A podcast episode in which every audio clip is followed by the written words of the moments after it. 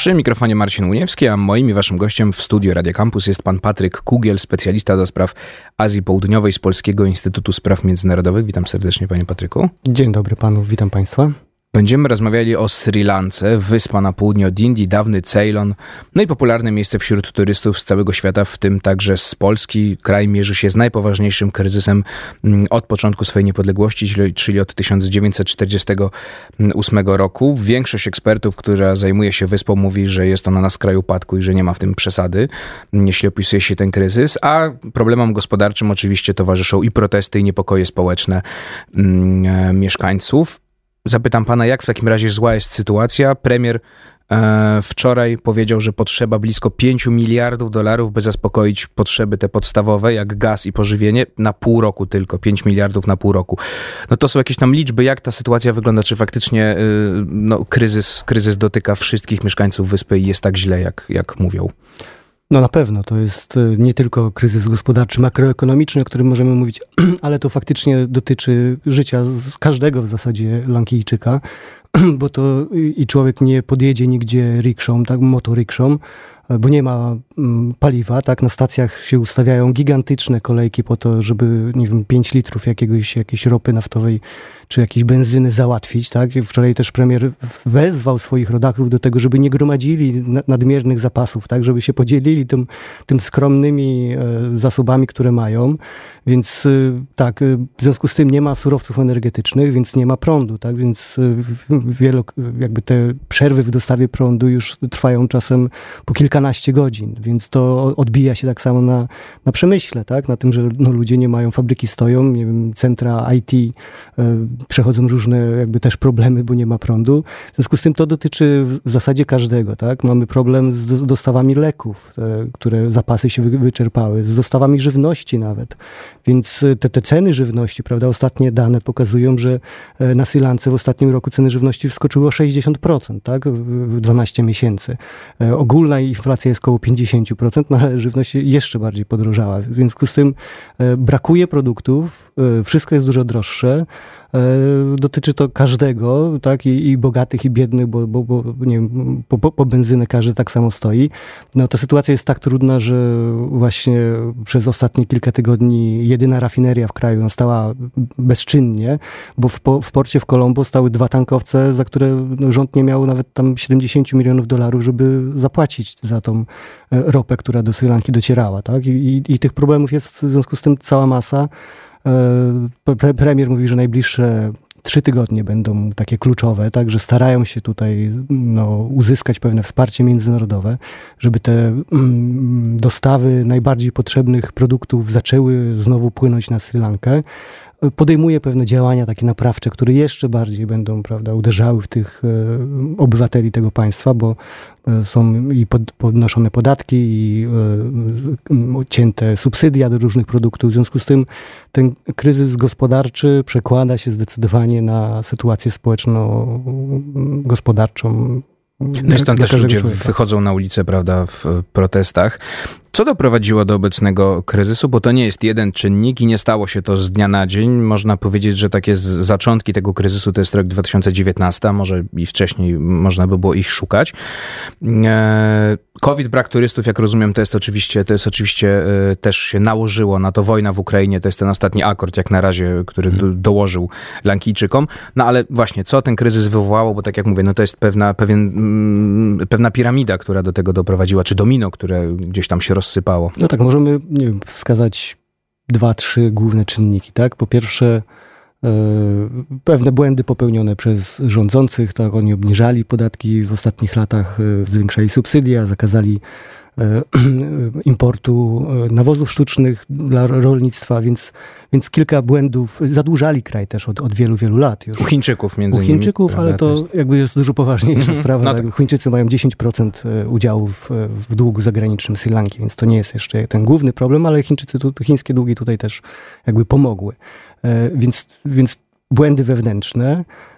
Drugi czynnik, według mnie kluczowy, to jest jednak COVID, tak?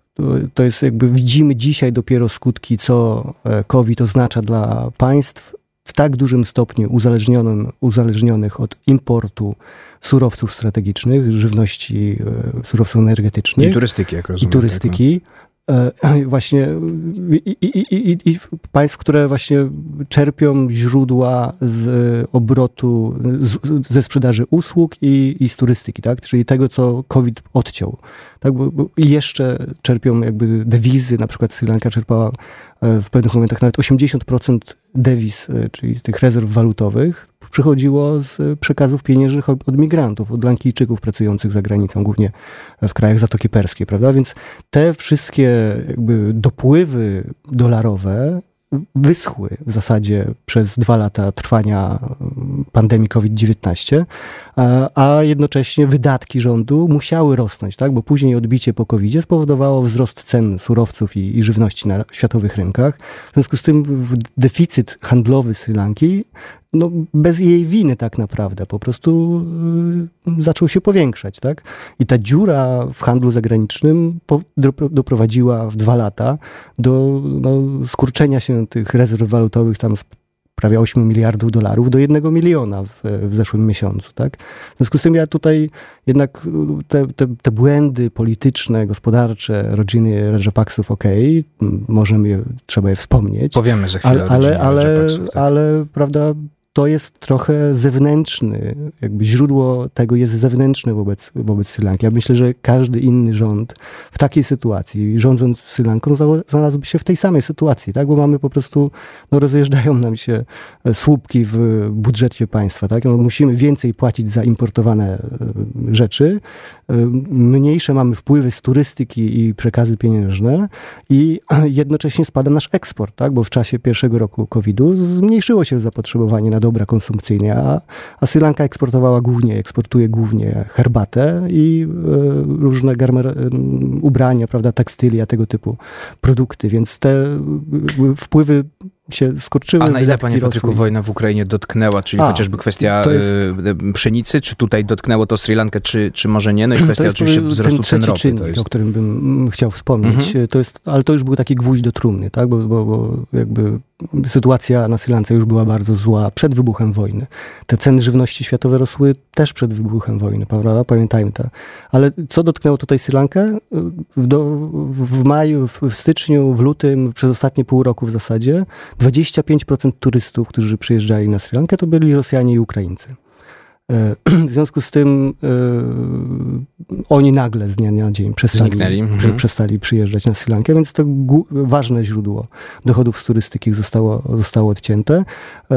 Wojna dodatkowo oczywiście wpływa na wzrost cen i niedostępność mm, no, ropy, surowców energetycznych, żywności przede wszystkim, więc to dołożyło, tak, jakby że te ograniczone już w lutym rezerwy walutowe Sri Lanki przestały, znaczy skurczyły się jeszcze szybciej, prawda, więc, więc y, tak możemy wskazać, że tutaj kryzys, wojna w Ukrainie była czynnikiem, ale jakby już takim dodatkowym, przypieczętowującym mm, problem.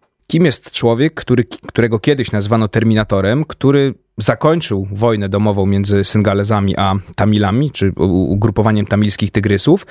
No a teraz nie chce odejść, trzyma się tego stołka zębami, yy, paznokciami, yy, no i jest obwiniany właśnie o, o spowodowanie tego kryzysu, czy pogłębienie tego kryzysu. Gotabaya Rajapaksa jest członkiem znanej politycznej rodziny. Sześciu, na, prawda, na, braci? Na Sri Lance. Tak, i mamy różnych zięciów, bratanków tak. i tak dalej. Ta rodzina miała wiele tutaj e, przedstawić, wielu przedstawicieli, ale co najważniejsze, on jest bratem Raja, Mahindy Rajapak, Rajapaksy, który był prezydentem Sri Lanki dwie kadencje od 2005 do, do 2015. W tym czasie dokonała się jakby zakończyła się wojna domowa przeciwko tamilskim mm, rebeliantom, tamilskim tygrysom, prawda? 25-letnia wojna domowa została brutalnie zakończona przez Rajapaksów, którzy no, spacyfikowali północną część wyspy, zabijając wszystkich przywódców i wielu tysięcy, Dodajmy, do 40 Tamile to jest mniejszość, prawda? Na wyspie jest dominowany przez tak. Syngalezów, czyli Tamilowie to jest, między innymi. Tamilowie to jest e, hinduistyczna mniejszość e, na północy, głównie i wschodzie wyspy żyjąca, a większość na Sri Lance to są buddyści i Syngalezowie. I właśnie z Syngalezów wywodzi się, wywodzą się Rajapaksowie. Sam Gotabaya był ministrem obrony w trakcie trwania tej, tej wojny i faktycznie on jakby no, po, po, od, odpowiada za to jakby mm, zwycięstwo nad tamilskimi tygrysami. E, no ale został prezydentem e, jakby trochę z przypadku, w zastępstwie swojego brata, który już nie mógł na trzecią kadencję startować i dlatego on został wysunięty w 2019 roku w wyborach na, e, na, na prezydenta. Wygrał je zdecydowanie i, i przejął władzę, później mianował właśnie tych różnych swoich braci na różne ministerialne i inne wysokie stanowiska w państwie. Jak się zaczął kryzys, no to jakby Gotabaya był jednym z wielu jakby twarzy tego znienawidzonego e, klanu i protestujący od marca w zasadzie domagali się dymisji wszystkich Rajapaksów. To się częściowo udało, bo został zdymisjonowany rząd. Mahinda Rajapaksa podał się do dymisji. E, na początku maja mianowano nowego premiera. Teraz jest taki rząd, powiedzmy, jakiś ponad podziałami, mniej więcej który ma większość w parlamencie i próbuje tą Sri Lankę z tego kryzysu gospodarczego wyciągnąć. E, prezydent Gotabaya Rajapaksa chce nad tym wszystkim jakby tutaj sprawować kontrolę. E, nie chce odejść, obiecuje co prawda różne reformy polityczne zmierzające do ograniczenia jego kompetencji jako prezydenta, tak, do zwiększenia roli rządu, parlamentu, społeczeństwa obywatelskiego, zapowiada różne, udział różnych komitetów społecznych w, w nowym, inkluzywnym rządzie. Przygotowują się te reformy polityczne, ale jakby no, na dzień dzisiejszy e, priorytetem dla całej wyspy, dla wszystkich mieszkańców jest reforma i jakby uratowanie sytuacji gospodarczej na wyspie.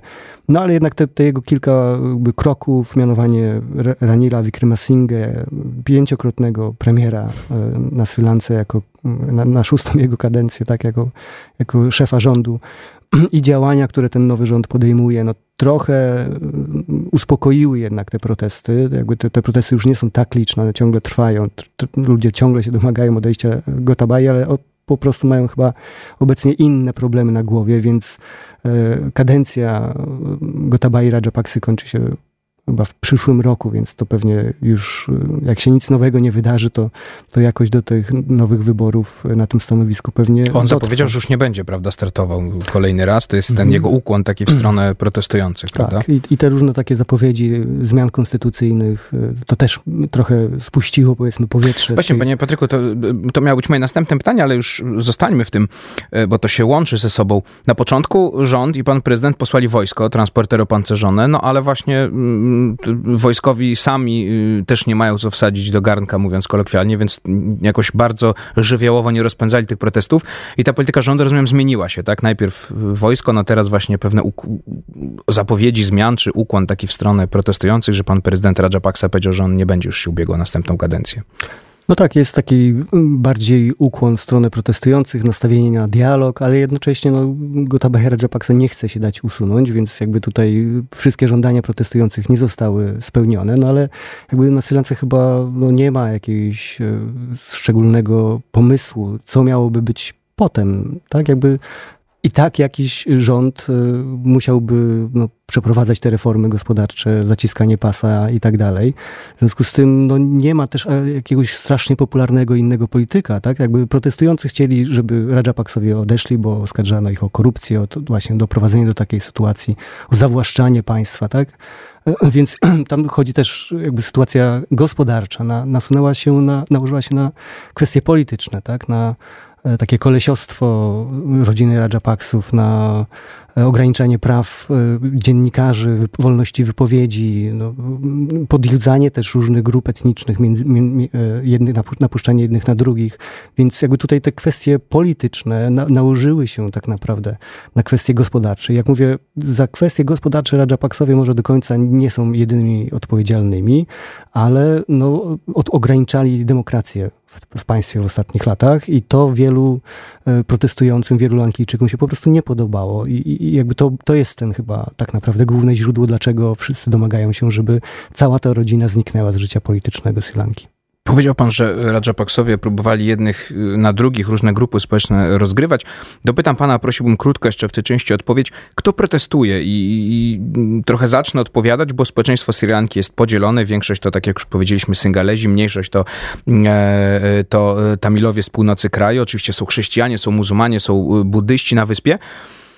Była wojna domowa, trwająca 25 lat, która y, no, wyspą wstrząsnęła, krwawa wojna domowa. No ale właśnie, teraz wydaje się, że na ulicę, prawda, zapanowała pewna jedność w obliczu wspólnych problemów tego, że y, wizja głodu, problemów bezrobocia, y, wysokich cen bo na ulicy razem stoją i Syngalezi, i Tamilowie. Paulina Wilk z Polityki mm, dwa tygodnie temu w Polityce napisała właśnie artykuł ze Sri Lanki. Pisała, że nawet muzułmanie, często y, ci radykalni, stoją ramię w ramię z przedstawicielami społeczności LGBT, protestując na coś nie do pomyślenia wcześniej.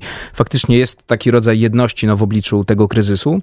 Tak, no, trochę trochę już o tym mówiliśmy, tak? Ten kryzys dotyczy każdego, niezależnie czy jest Tamilem, czy Singalezem, czy buddystą, muzułmaninem, czy kimkolwiek innym, prawda? Jakby no, sytuacja gospodarcza, braki prądu, braki benzyny, no, dotykają każdego. W związku z tym to faktycznie, jeżeli można wskazać jeden pozytywny element tego całego zamieszania i problemów Sri Lanki, to jest y, zjednoczenie, tak? Jakby widzimy e, i, i wspólne takie uroczystości, nabożeństwa, tak? Po raz pierwszy od, od wielu, wielu lat odbyło się na przykład y, no, takie wspomnienie, czy no, no, nie byśmy tego nie nazwali mszą, ale na jakieś upamiętnienie takie religijne y, pokonania tam, Tamilów w 2009 roku, prawda? I ofiar cywilnych tamilskich, które wtedy y, zostały zabite.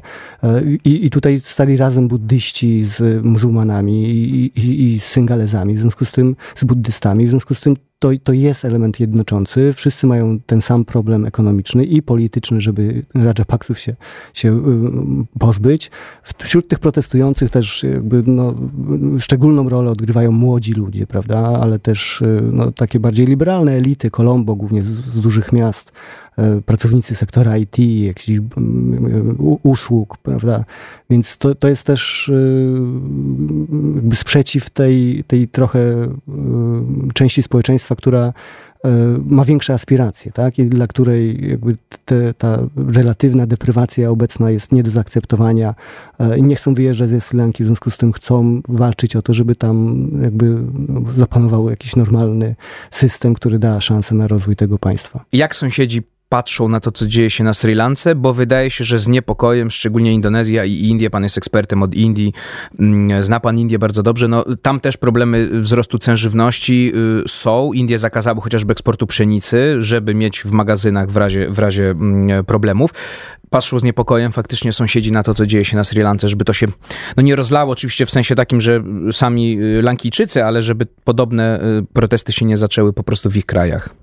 Czy patrzą, Indie przynajmniej, patrzą z niepokojem, oczywiście takim ludzkim, prawda, na, na, problemy na Sri Lance, ale patrzą też z nadzieją na zwiększenie własnych wpływów politycznych, y, geopolitycznych, prawda, bo przez ostatnie 15 lat Sri Lanka uciekała trochę Indiom, E, które historycznie uważają całą Azję Południową jako swoją strefę wpływów, tak? Jakby tam nie chciały nigdy widzieć innych mocarstw, które by się tam panuszyły. A od pewnego czasu faktycznie tam Chińczycy się dość dobrze rozgościli e, i zwiększali swoje wpływy kosztem Indusów.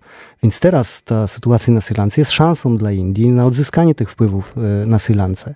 Tak? Dla, dlatego Indie są dziś głównym państwem wspierającym y, rząd na Sri Lance. Tak? Już przekazały ponad 3 miliardy pomocy y, w formie kredytów na zakup y, benzyny, prawda, żywności.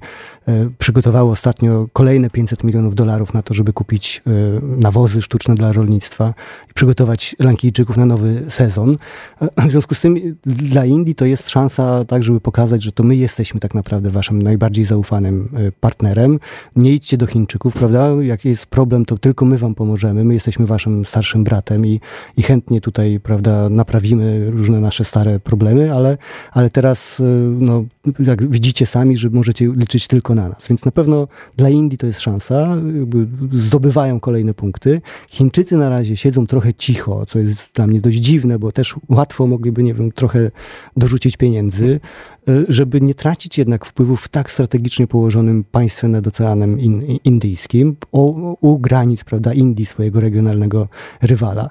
Więc głównie rywalizacja odbywa się między tymi dwoma krajami, a, a inni gracze, nie wiem, Rosja też próbuje prawda, tutaj jakieś swoje dwa grosze ugrać. E, oczywiście Unia Europejska i Stany Zjednoczone są. Właśnie to o ważnymi... Zachód chciałem zapytać, e, e, czyli Zachód i instytucje zachodnie, czyli na przykład Międzynarodowy Fundusz Walutowy czy ONZ, czy tutaj jakaś pomoc też jest już przesyłana albo jest planowana? No bo umówmy się, Sri Lanka sama sobie nie poradzi. E, no, wpływy, o których pan mówi, oczywiście walka wpływów między Chinami a Indiami to jest jedno i te pieniądze z Indii chociażby, tak jak pan powiedział, płyną, no ale właśnie, czy, czy jest jakieś jeszcze programy pomocowe mm, e, zachodnie, czy międzynarodowe znaczy, może w ten one, sposób? One muszą być, inaczej Sri Lanka sobie właśnie nie poradzi, tak? Jakby bez pomocy Międzynarodowego Funduszu Walutowego Sri Lanka z tego problemu obecnego nie wyjdzie. Musi dostać kolejny kredyt na właśnie taką mm, zapewnienie płynności finansowej, tak? Na zakup tych, tych wszystkich niezbędnych E, surowców i, i, produktów. W związku z tym od, od, kilku dni, od kilku tygodni w zasadzie trwają negocjacje tego nowego rządu Ranila Wickremesinghe z e, MFW e, o 3 miliardy dolarów, czy przynajmniej taką, taką kwotę się stara Sri Lanka. Oczywiście to będzie uwarunkowane różnymi reformami, tak? stąd te podwyższenia podatków, cięcia subsydiów, bo to są te, te warunki, które stawiają zagraniczne fi instytucje finansowe. E, więc Bank Światowy zwiększył też swoje, swoją wsparcie e, takie krótkoterminowe na zakup właśnie żywności czy, czy ropy naftowej. Więc e, instytucje finansowe są w kontakcie, one potrzebują stabilności politycznej, tak, partnera, z kim, z kim rozmawiają i to się wydaje jakby zapewnione. Jest determinacja nowego rządu, żeby te jednak ugiąć się pod tą presją międzynarodową i wprowadzać te niepopularne wewnętrzne reformy. Unia Europejska, wczoraj były rozmowy znowu premiera premiera z Unią Europejską, która też zapowiada wsparcie. Stany Zjednoczone na pewno też i pomoc humanitarną, i, i taką makroekonomiczną pomoc będą gotowe zaoferować, tak, żeby właśnie te wpływy chińskie tam e, ograniczać. E, generalnie powiedziałbym tak, no, Sri Lanka, jak mówiłem, jest jednym jakby symptomem poważniejszego problemu, tak? Jakby kryzys żywnościowy, e, energetyczny i konsekwencje COVID-u e, i teraz właśnie te problemy po wojnie na Ukrainie z cenami żywności powodują, że wiele państw będzie w takiej sytuacji jak Sri Lanka. COVID spowodował wzrost zadłużenia większości państw rozwijających się, tak? Ponad 60 państw e, tych o najniższym dochodzie LDC są w sytuacji poważnego takiego stresu, zagrożenia zadłużeniowego. Także one... Plus problemy żywnościowe, chociażby kraje afrykańskie, to, na przykład, czy północ prawda, Afryki. Zakup droższej żywności będzie powodował nie, niemożliwość spłacenia długów przez wiele innych państw. Więc e, to jakby Sri Lanka powinna dać nam, jakby ludziom, instytucjom na Zachodzie, jakby taki pierwsze ostrzeżenie, że po, powinniśmy zacząć przygotowywać e, taki pakiet jakiś e, makroekonomiczny, wsparcia dla tych państw rozwijających się w celu oddłużenia ich, tak? bo one nie są w stanie przy obecnej inflacji spłacać tych, tych, tych długów. W czasie COVID-u zamrożono tylko spłaty odsetek, tak? a chyba czas pomyśleć o jakimś e, akcji oddłużeniowej, anulowaniu części zadłużenia, bo sytuacja jest nadzwyczajna. Przez konflikt na Ukrainie będzie jeszcze się pogarszała. W związku związku z tym to, co się dzieje dzisiaj na Sri Lance, może wydarzyć się w wielu innych państwach w Afryce czy, czy w Azji i potrzebne jest jakieś zdecydowanie, zdecydowane działanie państw zachodnich i instytucji finansowych międzynarodowych. Więc trzeba liczyć na to, że G7 czy G20 też ten oby, temat podejmie. zareagowały. I pomagają Sri Lance, też pomogą innym No tak, żeby państwom. nie było powtórki Sri Lanki w innych y, miejscach, jeśli można tak powiedzieć, czy kazusu Sri Lanki w innych, w innych miejscach. Patryk Kugiel, specjalista do spraw Azji Południowej z Polskiego Instytutu Spraw Międzynarodowych był moim i waszym gościem. Bardzo dziękuję panie dziękuję Patryku. Uprzejmie. To była Róża Wiatrów, ja się nazywam Marcin Uniewski, a my się słyszymy w środę za tydzień. Róża Wiatrów. Audycja o stosunkach międzynarodowych.